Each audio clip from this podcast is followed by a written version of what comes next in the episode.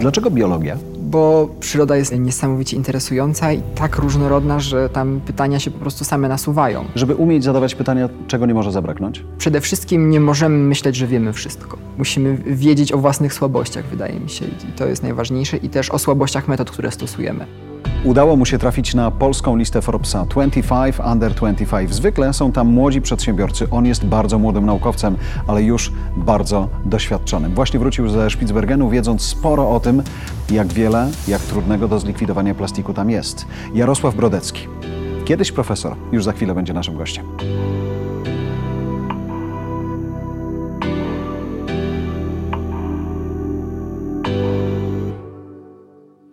Czekasz na ten moment, kiedy ludzie będą oficjalnie mówić do ciebie, panie profesorze? Chyba nie. Nie, nie jakoś, wydaje mi się, że jeżeli ten moment kiedyś nastąpi, to jednak wolałbym, żeby, żeby nie robić wokół tego takiej otoczki. A nie przedrzeźniają cię dzisiaj rówieśnicy, mówiąc właśnie w ten sposób do ciebie? Nie Za to, co robisz? Nie zdarzyło mi się jeszcze, muszę przyznać. Z czego jesteś znany? Z czego jestem znany? Wydaje mi się z tego, że opowiadam o, o otaczającym nas świecie, szczególnie tym świecie przyrodniczym i z tego, że staram się ten świat opisywać właśnie naukowo. I że potrafisz go zrozumieć.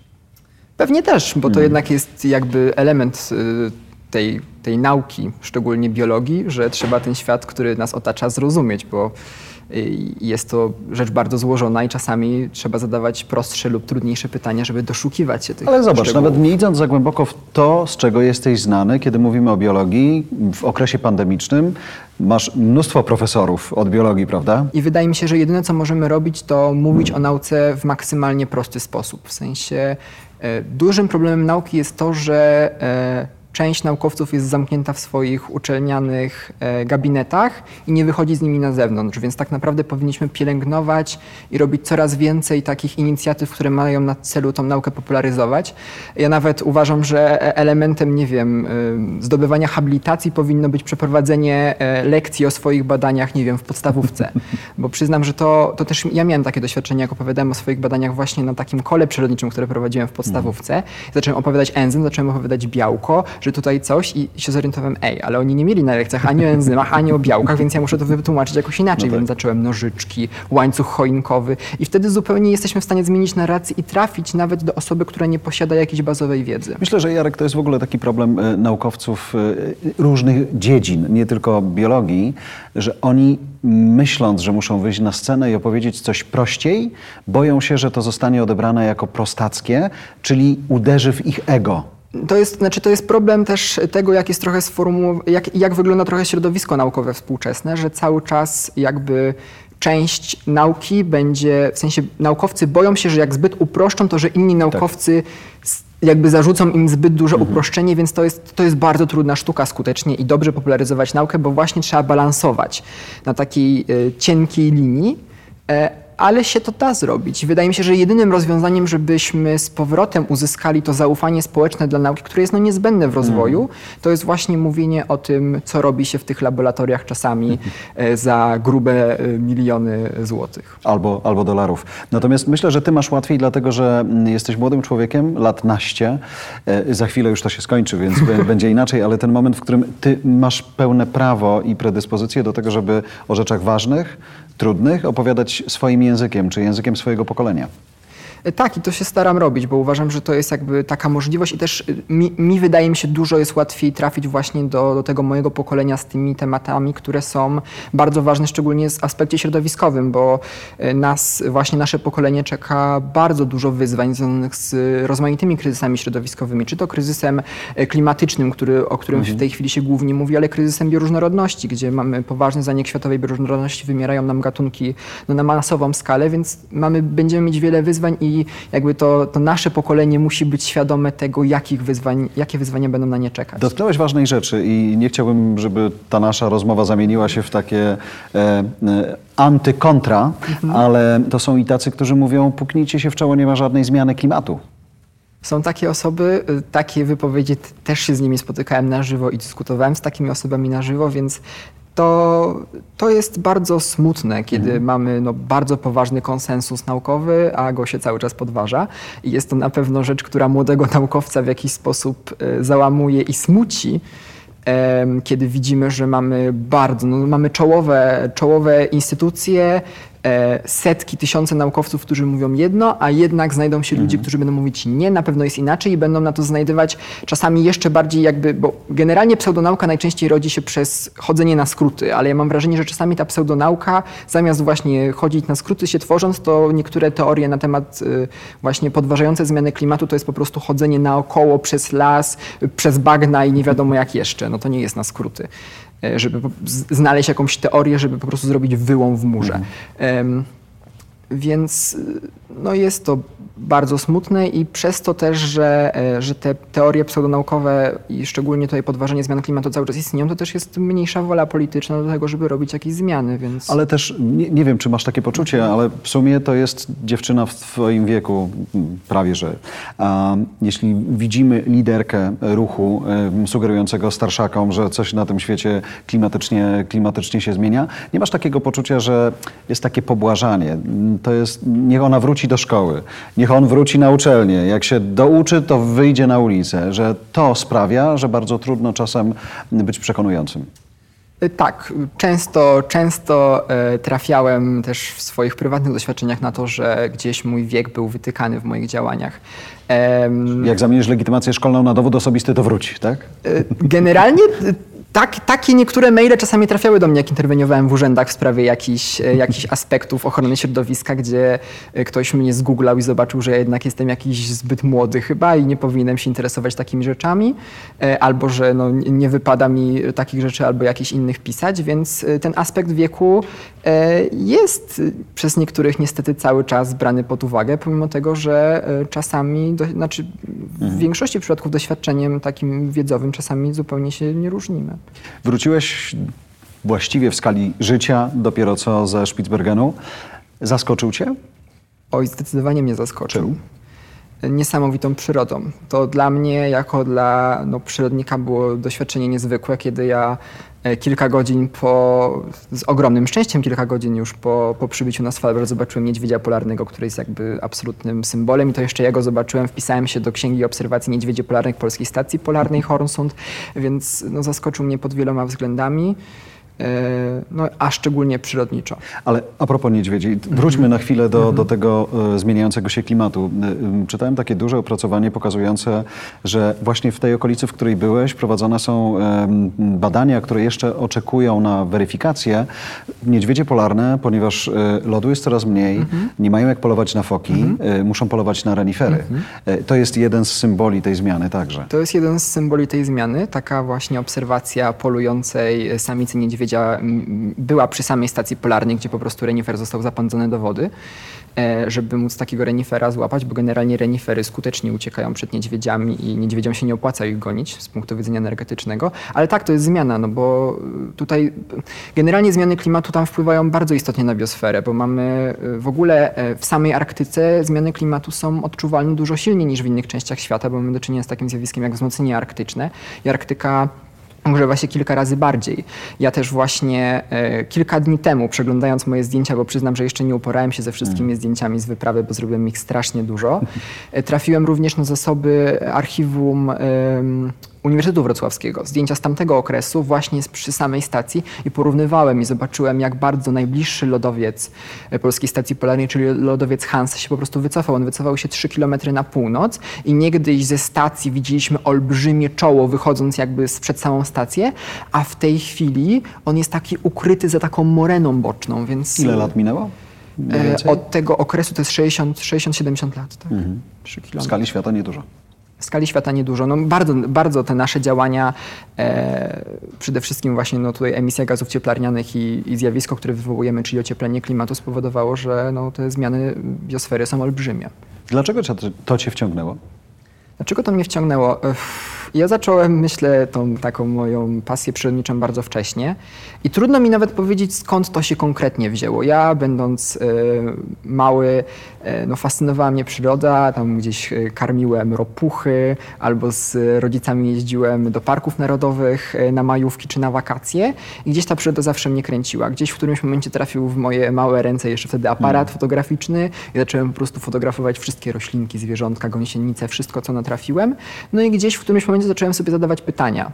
E, pierwszym pytaniem było, czy na przykład e, w karmniku u babci te sikorki będą przylatywać o konkretnych godzinach jakoś bardziej lub mniej i wtedy zacząłem siedzieć co 10 minut, spisywać, że w tej chwili w karmniku jest ileś sikorek, ileś tam e, mazurków mhm. i tak mhm. dalej, czyli różnych gatunków ptaków. I to były jakieś takie pierwsze pytania, a potem były już coraz a kiedy przeszła poważne. nauka?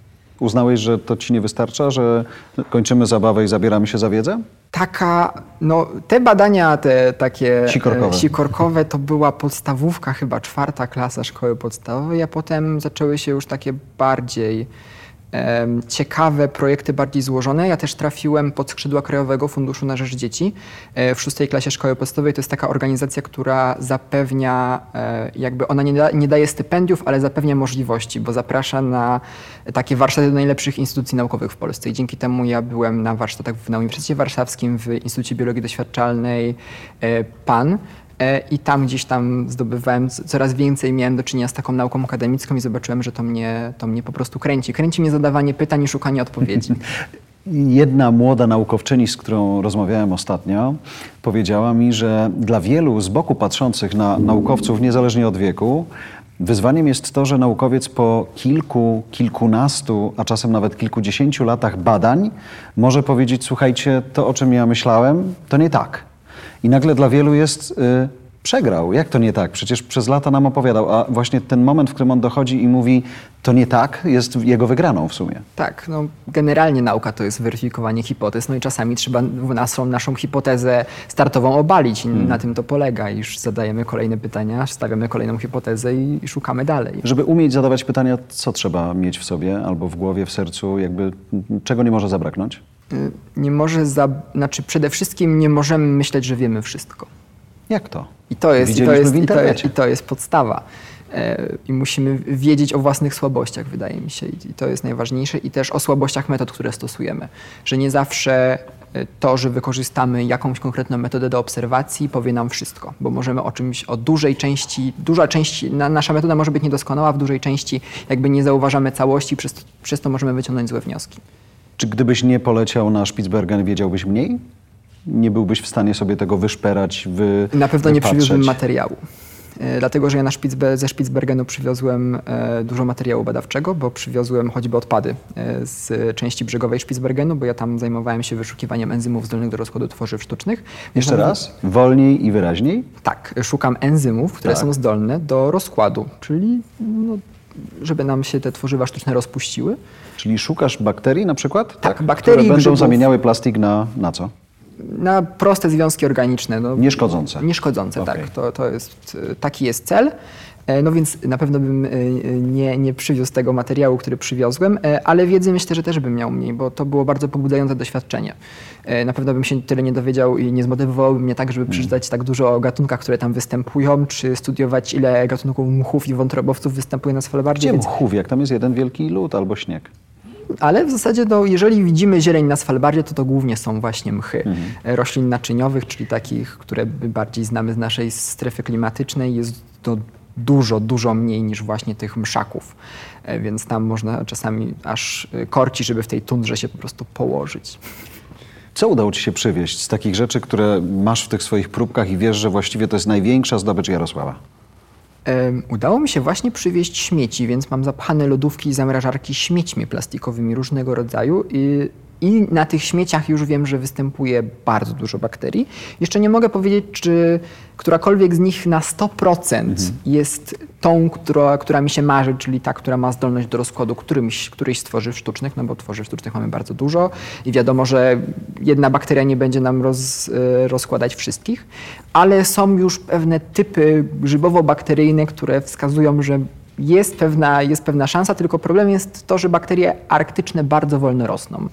Więc ja wróciłem e, ze Spitsbergenu we wrześniu i generalnie literaturowo zakłada się, że taka hodowla się powinna zakończyć 3-6 miesięcy, więc ja jeszcze czekam. Czekam na ten moment w, w napięciu. Skąd, powiedz mi, akurat tam miałyby się znaleźć bakterie, które rozkładają plastik? Przyroda nie znosi próżni.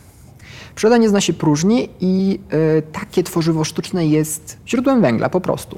Y, jeżeli bakterii potencjalnie udałoby się opracować przez losowe mutacje jakiś enzym, który byłby w stanie taki, taki plastik po prostu jeść, to miałoby w zasadzie na początku źródło węgla tylko dla siebie. Nikt inny by nie potrafił go rozłożyć, więc ona by była na wygranej pozycji. Mhm. Miałaby swoje unikalne źródło, dlatego właśnie. Em, Dlatego właśnie liczę na to, że jakieś bakterie tam są, bo zanieczyszczenie tworzywami sztucznymi jest tam ogromne. E, wybrzeża Spitsbergenu są... To poczekaj, wrócimy do tego. Mhm.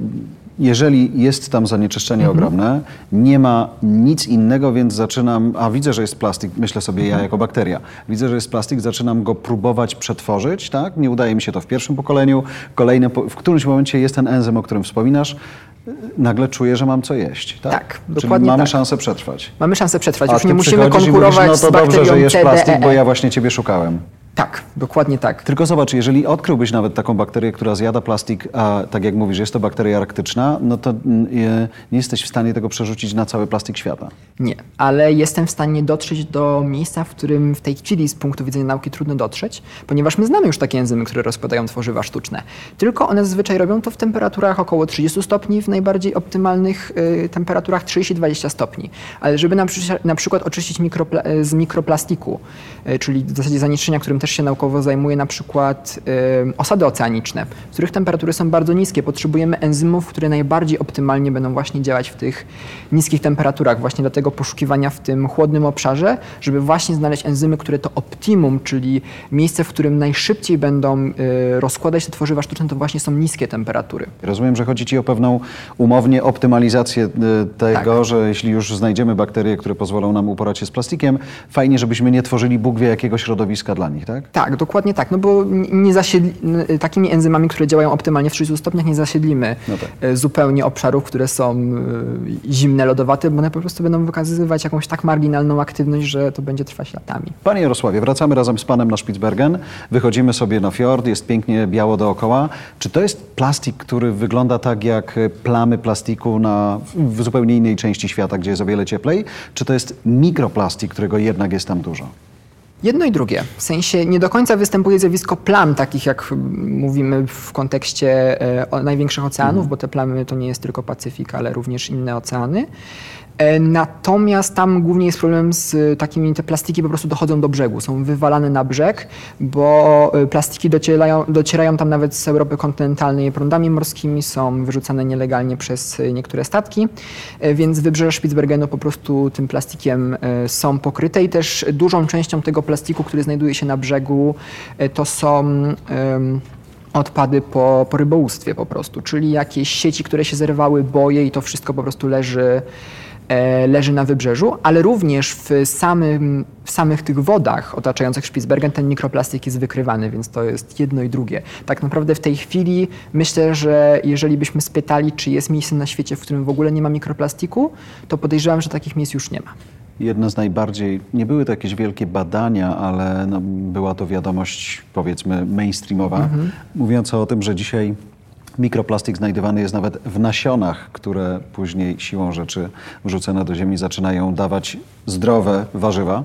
Um, no to nie ma przestrzeni, gdzie można uciec. Nie ma przestrzeni. W tej chwili nie ma przestrzeni, no i musimy znaleźć jakieś rozwiązania, bo już widzimy, e, znaczy nie mamy jeszcze pełnego obrazu, jak wpływa mikroplastik na zdrowie człowieka, ale już na jakichś e, modelach zwierzęcych wiemy, że on na pewno ma wpływ i ma wpływ negatywny. E, więc wiemy, że jakoś będziemy sobie musieli z tym, z tym problemem radzić. Negatywny i... w sensie, skoro on jest w nasionach, a później w warzywach, które jemy, trafia do naszych komórek?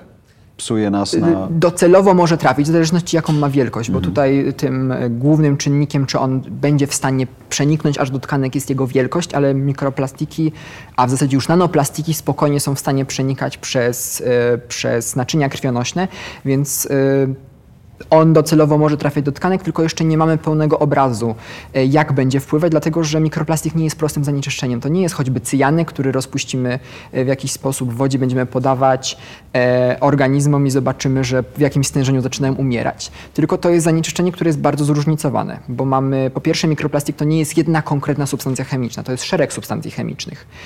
Są to, nie wiem, polipropyleny, polietyleny, one będą zachowywać się zupełnie inaczej. A oprócz tego mamy bardzo różne wielkości, właśnie o tym, o czym zacząłem mówić, e, ale też wystarczy, że będziemy mieli w tym plastiku, z którego jakby pochodzi e, mikroplastik, będziemy mieć dodatek jakiegoś, nie wiem, uplastyczniacza, jakiegoś barwniku i to już też nam zmieni właściwości, e, jakie będzie ten mikroplastik na, na żywe organizmy wywo wywoływał, więc to jest bardzo trudne do ocenienia. Natomiast już widzimy właśnie na modelach, że ten wpływ jest negatywny i on jest bardzo różnorodny i to jest wpływ na od układu immunologicznego przez y, podziały komórkowe, to jest bardzo dużo różnych e, rzeczy, na które to może wpływać. Więc my w tej chwili powinniśmy szukać rozwiązań przede wszystkim. E, no a w zasadzie to, co teraz jakby gdzieś jest na horyzoncie, to są właśnie jedynie rozwiązania enzymatyczne, żeby tego mikroplastiku się pozbyć, no bo nie weźmiemy wielkich filtrów i nie zaczniemy filtrować oceanów, E, ale będziemy wpuszczać bakterie? Ale będziemy wpuszczać bakterie może. Dobra, to pogadajmy praktycznie. Mhm. Naukowiec z amatorem. Ile będę potrzebował takich bakterii? W jakim okresie, żeby one posprzątały mi jeden z fiordów na przykład na spotkaniu? To jest... Y, to jest w zasadzie niemożliwe do określenia w tej mm. chwili, przez to, że zupełnie nie wiemy, jak szybko te enzymy będą działać, ale też bioremediacja to jest bardzo ciężki temat. Y, trudny do ocenienia i tak naprawdę to jest na razie jeszcze gdzieś tam śpiew przyszłości, e, bo w tej chwili będzie nam trudno taką bioremediację przeprowadzić, więc my najpierw musimy się skupić na tych badaniach stricte jakby podstaw tego, czyli szukanie właśnie tych enzymów, tych bakterii, które potencjalnie potem będziemy mogli wykorzystać w tej bioremediacji, dlatego że tutaj będzie bardzo dużo wyzwań. No bo my cały czas będziemy stosować tworzywa sztuczne w infrastrukturze. I żeby nie stało się nam coś takiego, że przeprowadzimy o, owszem proces bioremediacji, ale też e, ta, te bakterie po prostu przenikną nam do środowisk, których byśmy nie chcieli i zaczną nam uszkadzać infrastrukturę, która jest dla nas jakby w jakiś sposób e, niezbędna, więc tu jest bardzo dużo haczyków i bardzo dużo przyszłych pytań. Więc y, oczywiście, jeżeli by mi się udało znaleźć ten enzym, to, to nie jest tak, że ja już świętuję i mówię, jest, rozwiązaliśmy światowy problem, tylko tylko to będą setki, dziesiątki dalszych pytań i dalszych działań. Czyli masz enzym, który teoretycznie jest pozytywny, bo on może mhm. powalczyć z mikroplastikiem, ale już wiesz, że musisz nad nim panować, żeby nie zaczął być wrogiem. Tak, dokładnie tak. Akurat w przypadku tego, tego konkretnego tematu nie będziemy mieć raczej problemu z tym, że na przykład zacznie nam wpływać negatywnie na inne części środowiska, E, bo na przykład zacznie... Nagle łodzie w Chorwacji zaczną e, mieć, wiesz, dziury od e, enzymu, który wynalazłeś. Tak, tak, właśnie potencjalnie tak by się mogło zdarzyć, tak, więc, więc tutaj będziemy potrzebować zakładać bardzo dużo bezpieczników. Na szczęście współczesna biotechnologia nam już pozwala w wiele bezpieczników takie organizmy wyposażać, ale oczywiście to zawsze jest w jakiś sposób niepewne, więc tak naprawdę to, to są początki. E, a jakie będą finały, to myślę, że to jest kwestia no, jeszcze, jeszcze Wracając lat. do początku, twój początek mhm. dnia, kiedy wiesz, że wróciłeś i masz, jak dumnie powiedziałeś, mnóstwo plastikowych śmieci, to jest twój mhm. sukces szpicbergański e, i one w lodówkach są pochowane. To jest codzienna praca z jakim sprzętem? E, akurat w tych badaniach to przede wszystkim w tej chwili to jest praca z pożywkami mikrobiologicznymi, e, ale... Czyli jeszcze karmisz te bakterie cały czas? Tak, w sensie ja, ja im stworzyłem takie optymalne, teoretycznie w miarę optymalne Aha. dla nich warunki. W ogóle I... nie zauważyły, że je wyprowadziłeś ze Spitsbergena? Tak, ja czekam, a one, one po prostu będą się namnażać i będę mógł w ten sposób przeprowadzić na nich e, więcej, więcej badań. Oprócz tego docelowo też te moje badania będą wykorzystywać dużo bardziej zaawansowane metody, e, metody genetyczne i metody stricte biotechnologiczne, które będą już też e, wymagały profesjonalnego laboratorium. No i jestem w trakcie dogadywania tych części prac. Mhm. Bo Czyli budowania problem... sobie zaplecza technicznego, w którym będziesz mógł prowadzić... Technicznego nie będę budować od początku. Będę mhm. korzystać z infrastruktury, które już posiadamy, bo budowanie e, labu specjalnie do tego jest zupełnie, zupełnie bez sensu. Um, Natomiast y, przez to, że bakterie arktyczne i w ogóle bakterie, na przykład glebowe, wiele bakterii jest nienamnażalnych w warunkach laboratoryjnych. Czyli my sobie wymyślimy dla nich idealne teoretycznie mhm. pożywki, będziemy myśleć, będziemy konstruować, ale one stwierdzą nie. Ja jestem, ja jestem bakterią dostosowaną do tego środowiska i ja nie będę rosnąć nigdzie indziej. Ale możemy je trochę oszukać i po prostu wyciągnąć te ich przepisy na enzymy i przekazać je innym bakteriom. I, i tak będę, będę próbować robić. Czyli jesteś jednym wielkim oszustem. Trochę oszukuję te bakterie, faktycznie. Muszę je trochę okraść. Mhm. One nie są tego świadome, ale będę je okradać i sprzedawać ich tajemnice, tak. Czy, na czym pracujesz tak naprawdę? Jak to wygląda? Na czym pracuję? Bo zakładam, że one są, tak jak i ten plastik, którym się zajmujesz, prawie niewidoczne. Y, kolonie bakteryjne już są widoczne gołym okiem, jeżeli sobie, y, jeżeli sobie podrosną, więc ta praca mikrobiologiczna to nie jest taka praca stricte mikroskopowa. Jeżeli chodzi o badania moje właśnie mikroplastiku, to tam jest bardziej zabawa, zabawa mikroskopowa, bo to jest praca przy, przy mikroskopach, bardzo dużo pracy przy mikroskopach, dlatego że ja te mikroplastiki analizuję różnymi różnymi metodami, ale jedną z tych metod to jest po prostu filtrowanie wody na takich bardzo drobnych filtrach i potem e, analiza tych filtrów pod mikroskopami. No i to jest faktycznie praca z takim e, sprzętem już konkretnym, optycznym, żeby móc te najmniejsze cząstki zaobserwować. Teraz dopiero przyszło mi pierwsze pytanie do głowy, które powinno paść na samym początku rozmowy. Czy ty jesteś cierpliwym człowiekiem? Czy jestem cierpliwym człowiekiem? Chyba jestem trochę, znaczy to zależy. To hmm. zależy jest myślę najlepszą e, odpowiedzią, bo jestem w stanie czekać długie godziny, na, na przykład jak obserwuję y, przyrodę. Woda kapie przez ten filtr, tak? Albo woda kapie przez ten filtr, chociaż korzystam z, y, z pompek próżniowych, więc to przyspiesza znacznie mm. proces filtracji. Tak to by to trwało faktycznie długie godziny i na to na pewno bym miał wystarczająco cierpliwości, a przede wszystkim wystarczająco czasu i wystarczająco długiej doby, bo to jest dużym ograniczeniem. Y, ale w niektórych warunkach jestem cierpliwy, a w niektórych jestem niecierpliwy. Chciałbym, żeby niektóre rzeczy oczywiście toczyły się szybciej, ale w przypadku badań takich przyrodniczych chyba nie da się ich prowadzić, nie będąc cierpliwym w jakimś stopniu. Zawsze jak myślę sobie o naukowcach, to wyobrażam sobie, że mm, wasza wiedza jest bardzo uniwersalna, więc ty robiąc to z Polski na Spitsbergenie, w sumie możesz mieć równie dobrze konkurenta, który przypłynie, przyleci z Azji i będzie też to robił. Tak? Uniwersytety między sobą y, konkurują. Y, bardzo często czasem y, udowodnić, że było się tym pierwszym. Nie? Tak, to, to jest trudne, chociaż ja bardziej bym wolał rozpatrywać świat naukowy nie w konkurencji, a we współpracy, bo, e, bo to przede wszystkim wydaje mi się jest clue do działań, że to jest jednak współpraca naukowców bo pojawia nam się publikacja z drugiej strony globu i my na bazie jesteśmy w stanie wyciągnąć jakieś wnioski, które są w stanie nam pomóc mhm. przy naszej pracy. Spotykamy się na konferencjach i mówimy, to nam się nie udało, to nam się nie udało, nie idźmy tą drogą, idźmy inną drogą. To jest właśnie też trochę... Myślałem, że konferencje są po to, żeby powiedzieć, to mi się udało i to mi się udało. E, właśnie e, konferencje wbrew pozorom czasami są lepsze pod tym kątem, co się nie udało, bo mhm. właśnie to, co jest problemem świata naukowego trochę w tej chwili, to jest to, że nie, nie publikujemy wyników negatywnych. Czyli jak nam coś się nie udało, E, to, to, tego nie publikujemy, bo po prostu nie ma na to miejsc. Znaczy pojawiają się już takie czasopisma, które publikują takie A z twojej perspektywy to byłoby ważne, bo byś już nie szedł tą tak. drogą po prostu. I, to, okay. i to, to, z punktu widzenia na przykład oszczędności pieniędzy to jest olbrzymi, y, szczególnie właśnie w tych naukach takich biotechnologicznych, że po prostu ta droga została sprawdzona, zupełnie nie działa, to po co z, z nią, w nią, znowu w nią inwestować? To fajne są te konferencje. Przychodzicie i narzekacie. Tak, ale to narzekanie jest bardzo ważne, w sensie jakby, jakby podstawą w ogóle nauki jest popełnianie błędów. Albo narzekanie. Narzekanie może mniej, ale właśnie popełnianie błędów i dzielenie się tymi błędami jest ważne.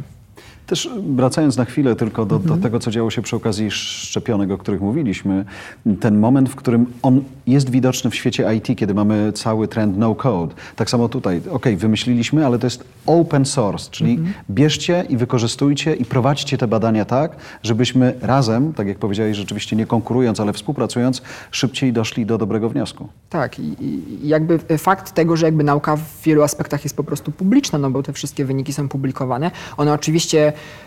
przez to, jak funkcjonuje nauka, co można by powiedzieć, no, jest słabe trochę, można by powiedzieć. Mm. To, że wiele po prostu rzeczy jest za paywallami i to też jest problem z popularyzacją i ze zrozumieniem nauki, e, że po prostu, żeby przeczytać jakąś publikację, nie, nie posiadając bazy uniwersyteckiej czy wykupionych subskrypcji, byśmy musieli, nie wiem, zapłacić 40 dolarów za dostęp na 24 godziny do artykułu o żyrafach na przykład. No. Mm. Kiedyś, jak jeszcze takim na samym początku mojej kariery naukowej, za, zabrałem się za redagowanie... Zamieniłeś sikorki na żyrafy. Za, za redagowanie artykułu na Wikipedii, bo akurat była aktualizacja ich statusu e, na e, czerwonej liście gatunków zagrożonych stwierdziłem, że zrobię to porządnie. Zacząłem szukać literatury i mówię, o nie, 40 dolarów, co ja zrobię. Są oczywiście sposoby e, mniej lub bardziej etyczne, żeby te rzeczy obchodzić, ale to jest właśnie generalny problem z funkcjonowaniem nauki, że cały czas ten otwarty dostęp nie jest jeszcze tak popularny i w wielu czasopismach, żeby móc opublikować coś w otwartym dostępie, powinniśmy za to dopłacić. A, a zupełnie uważam, nie tak powinna być. Jeżeli nauka ma być maksymalnie transparentna i ma być maksymalnie dostępna, bo tylko w ten sposób jesteśmy w stanie iść naprzód, to ten otwarty dostęp powinien być po prostu standardem. Też wracając do e, jeden z wątków, który poruszaliśmy, ale myślę, że on może być coraz ważniejszy w kolejnych latach, patrząc jak się świat e, komunikacji zmienia, że właściwie dzisiaj ten naukowiec musi być bardziej publiczny niż kiedykolwiek, prawda? Że to musi być człowiek, który nie siedzi tylko w swoim laboratorium, ale jednocześnie umie tą swoją historię opowiedzieć. Ty jesteś na to gotowy. E, jak obserwujesz ten naukowy świat, widzisz tą zmianę? Tak, widzę, że to się zmienia. E, choćby, nie, nie, wiem, to są takie drobne zmiany, ale na przykład katedry, takie na naszych normalnie uniwersytetach zaczynają mieć swoje profile na Instagramie, zaczynają się chwalić tymi badaniami, które, mhm. które są u nich robione. Tak jest właśnie e, z katedrą zoologii bezkręgowców, z którym e, ja współpracuję na Uniwersytecie Łódzkim. Więc zaczynamy faktycznie wychodzić do tych. Mamy coraz więcej takich ciekawych inicjatyw, które w jakiś sposób pozwalają wejść zwykłym ludziom, nazwijmy tak zwykłym hmm. ludziom, do świata nauki przez, no nie wiem, Centrum Nauki Kopernik. To było coś, co w jakiś sposób u nas, myślę, w kraju fundamentalnie zmieniło możliwości nauki, ale też mamy, nie wiem, festiwal nauki i tak dalej, który jest organizowany i w Warszawie, i w Łodzi, i w wielu innych miastach i to wszystko pozwala w jakiś sposób zagłębić się w ten świat. Uśmiecham się, wierzę też w imieniu widzów. Pamiętam, kiedy otwierało się Centrum Nauki Kopernik, jej szef mówił, jego szef mówił, że to, co jest najfajniejsze, to to, że oni mają cały magazyn rzeczy zastępczych, bo ich celem jest pozwolenie młodym e, Polakom, którzy tam przyjdą, psucia i w ten sposób testowania. E, tak, no właśnie to, że to, to, takie doświadczenie e, bezpośrednie z nauką jest bardzo ważne, no bo rozmawialiśmy tutaj właśnie o tym dostępie takim szerokim do mhm. wiedzy takiej surowej. No ona jest oczywiście często no pisana tak. bardzo nieprzystępnym językiem, a właśnie takie inicjatywy typowo popularyzatorskie, właśnie jak festiwale nauki, właśnie jak e, wspaniałe Centrum Nauki Kopernik, które jak się otwierało, to ja miałem roczny bilet i tutaj w Warszawie byłem bardzo często. Um, to, to właśnie sprawia, że w jakiś sposób ta nauka się otwiera i, i daje się zrozumieć. Dlaczego biologia? Dlaczego biologia? Bo przyroda jest niesamowicie, e, niesamowicie interesująca i tak różnorodna, że tam pytania się po prostu same nasuwają. Choćby będąc na prostym spacerze, gdzieś tu się zobaczy jakiegoś chrząszcza, który okazuje się, że tutaj może nie powinien być, albo jest czymś nowym i już zaczynają się pytania dlaczego, co, kiedy. E, I to, to jest niesamowita nauka i też ten świat, który nas otacza, e, właśnie świat przyrody, jest na tyle złożony, że to, to jest studnia bez dna. Myślę sobie też o Twoich spotkaniach z dojrzałymi naukowcami. Sam powiedziałeś, miałeś taką możliwość, że może nie, nie było stypendium, ale nagle otworzyły się drzwi mhm. do wielu uczelni. Czy usłyszałeś jakąś taką e, radę, sugestię od starszaka e, jako przestrogę dla Ciebie, młodego naukowca? Mm, nie wiem, czy były to jakieś takie, takie typowe przestrogi, ale jakby. E, wiedziałem, na co muszę uważać w naszym, w naszym środowisku naukowym, mhm. gdzie tam jakieś się mogą pojawić na mnie e, potencjalne e, pułapki, ale przyznam, że jeszcze udało mi się nie trafić na żadną z nich. Też mhm. trafiłem do bardzo przyjaznego środowiska e, naukowego, które jest bardzo otwarte i, i, nie spotkałem się jeszcze z żadnym takim właśnie czarnowictwem, z którym, e, o którym czasami słyszałem. Słuchałem ostatnio wywiadu z doktorem Fauci i on mówi, dzisiaj wszyscy mnie pytają o COVID, ale bardzo zapominają, że ja byłem i kiedy pojawiła się Ebola i byłem kiedy pojawiło się AIDS i w, dzisiaj wszyscy ode mnie oczekują odpowiedzi na pytanie, co my mamy robić. A on mówi, nie wiem. Powiem wam za rok. Powiem wam za dwa lata. Jest spora szansa, że za rok powiem wam coś innego niż powiem wam za dwa lata. E, I nie narzekał na to, ale zwracał uwagę, że ta niecierpliwość e, współczesnego świata wobec naukowców jest ogromnym ryzykiem dla nich, bo czasami e, widząc to ciśnienie chcą iść na skróty. Tak, uproszczanie, uproszczanie jest problemem. Właśnie jakby... Mm uproszczenie w tym kontekście y, spłycania samej nauki, nie, nie mhm. uproszczania jako przekazu, który, który jakiś formułujemy. No właśnie, nauka wymaga czasu nie jesteśmy w stanie e, zbadać jakiegoś trendu, który występuje nie wiem, w jakimkolwiek miejscu na świecie, w jakimś konkretnym zjawisku, jeżeli nie poświęcimy na badanie tego trendu określoną ilość czasu. Po prostu tego nie będziemy w stanie zaobserwować. No więc nauka w jakiś sposób jest ograniczona. Oczywiście w jakiś sposób y, chce się, żeby to było jak najszybciej, y, i, a, ale choćby spłycenie, nie wiem, zamiast analizy dziesięcioletniej przeprowadzimy dwuletnią i nie zobaczymy, że te, ten trend po tych dwóch latach zupełnie zmienia swój przebieg, więc no nie można sobie po, po, pozwolić pozwolić na, na takie robienie na szybciocha. Nie można I pytanie, czy czasem jednak można, bo mój ostatni wątek, który chciałbym z Tobą mhm. poruszyć, to jest wykorzystywanie technologii w Twojej, w mhm. twojej pracy. E, dzisiaj w wielu obszarach wiemy, że zaprzęgnięcie sztucznej inteligencji potrafi, potrafi przewidzieć pewne rzeczy. Ta predykcja tego, co się mogłoby zdarzyć, jest szybsza, skuteczniejsza czasami nawet niż e, badania człowieka. E, widzisz w tym nadzieję dla siebie? Ja już staram się wykorzystywać te nowoczesne technologie w swoich działaniach maksymalnie jak tylko potrafię.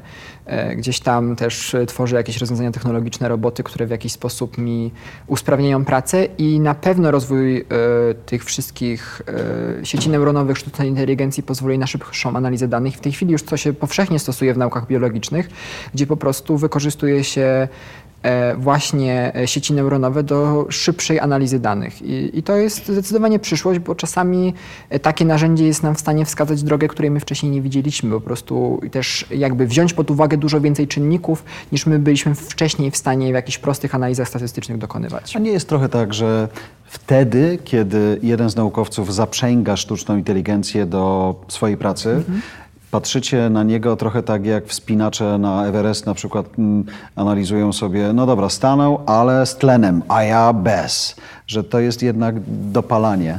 Nigdy nie prowadziłem żadnej dyskusji na ten temat, przyznam, więc chyba nie mam wyrębionego zdania, ale mm. jakby ja bym w życiu o czymś takim nie pomyślał mm. w ten sposób. Bo jakby y, chodzi nam o zwiększanie zasobu ludzkiej wiedzy. Y, jako, jako nas, jako ludzkości, więc jak do tego dojdziemy, nie jest istotne, ważne, żeby to było etyczne. Czy ty chciałbyś być odkrywcą? Już w jakiś sposób czuję się odkrywcą, bo y, udało mi się y, parę rzeczy, które wcześniej były nieopisane, stwierdzić na tym świecie, więc w jakiś sposób czuję się odkrywcą i generalnie nauka to jest zabawa w odkrywanie. Odkrywanie odpowiedzi na czasami bardziej lub mniej skomplikowane pytania. Częściej mówisz nie wiem czy wiem? Częściej mówię nie wiem, bo tak w rzeczywistości jest i jakby podstawą właśnie funkcjonowania nauki to jest y, mówienie sobie nie wiem, ale chęci poznania i później powiedzenia wiem. To jest bardzo indywidualna robota? Mm, jest indywidualna, ale, ale też zespołowa. Nie da się nad wieloma aspektami badawczymi pracować samemu, bo nie starczyłoby nam czasu i życia. Więc to jest praca zespołowa, czasami praca wieloletnia właśnie, jak rozmawialiśmy o tych obserwacjach jakichś wieloletnich, to jest czasami dziedziczenie powierzchni badawczych, żeby móc kontynuować sta, stały monitoring, więc to, to nie jest praca e, wielu, bardziej indywidualistyczna. Myślę, że są te, te ścisłe takie y, części nauki. Natomiast biologia już wymaga wielokrotnie pracy zespołowej, bo to jest czasami mnóstwo analiz, które trzeba wykonać, przepipetować, e, więc jeden człowiek nie jest w stanie tego zrobić. Choć jesteście naukowcy osobistościami, więc y, kiedy mówimy o zespołach, to jest jednak jakaś umiejętność schowania ego. Tak. Trzeba, trzeba, bo y, no jednak ileś decyzji trzeba podejmować jakoś w jakiś taki kolektywny sposób, bo oczywiście możemy tutaj na przykład, nie wiem, jakimś konkretnym tematem zajmować się bardziej, ale jednak jakby tor zespołu musi być w jakiś sposób spójny. Na co liczysz w swojej najbliższej naukowej przyszłości?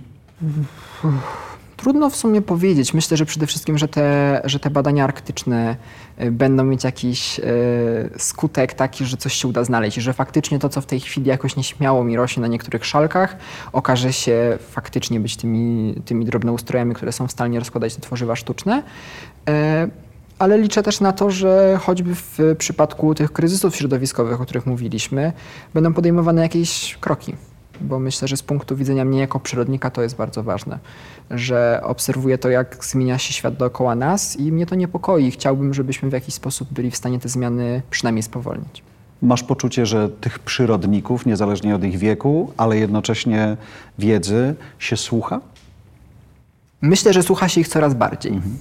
E, nie jest to jeszcze może takie w pełni słuchanie, ale słucha się coraz bardziej i myślę, że na przełomie tych ostatnich lat e, zobaczy, jakby zdarzył się pewien przełom, że w końcu te nauki środowiskowe gdzieś tam trafiły bardziej do mainstreamu, e, bo ja wielokrotnie się spotykałem z taką opinią, że nie, nie idź w te nauki przyrodnicze, idź w medycynę, w biotechnologię i tak dalej. Bo tam są pieniądze. Tam są tak? pieniądze i to jest mainstream, a w tej chwili te nauki środowiskowe coraz coraz bardziej są jakby poważane i to jest no, bardzo optymistyczne. Ale też dlatego, że te pieniądze tam przyszły, to znaczy, że biznes, y, być może klienci zaczęli wymuszać, być może twoje pokolenie zaczęło wpływać na ten biznes, żeby już nie tylko greenwashingował, ale naprawdę to robił, no więc on przychodzi do nauki tak naprawdę. Kiedyś to musiało wyglądać Tak, to finans, finansowanie prywatne faktycznie w nauce się pojawia, ale to też jest kwestia generalnie takiej, myślę, e, jakby zapotrzebowania na tą naukę środowiskową, bo zobaczyliśmy, że em, dużo się dzieje złego i w jakiś sposób trzeba to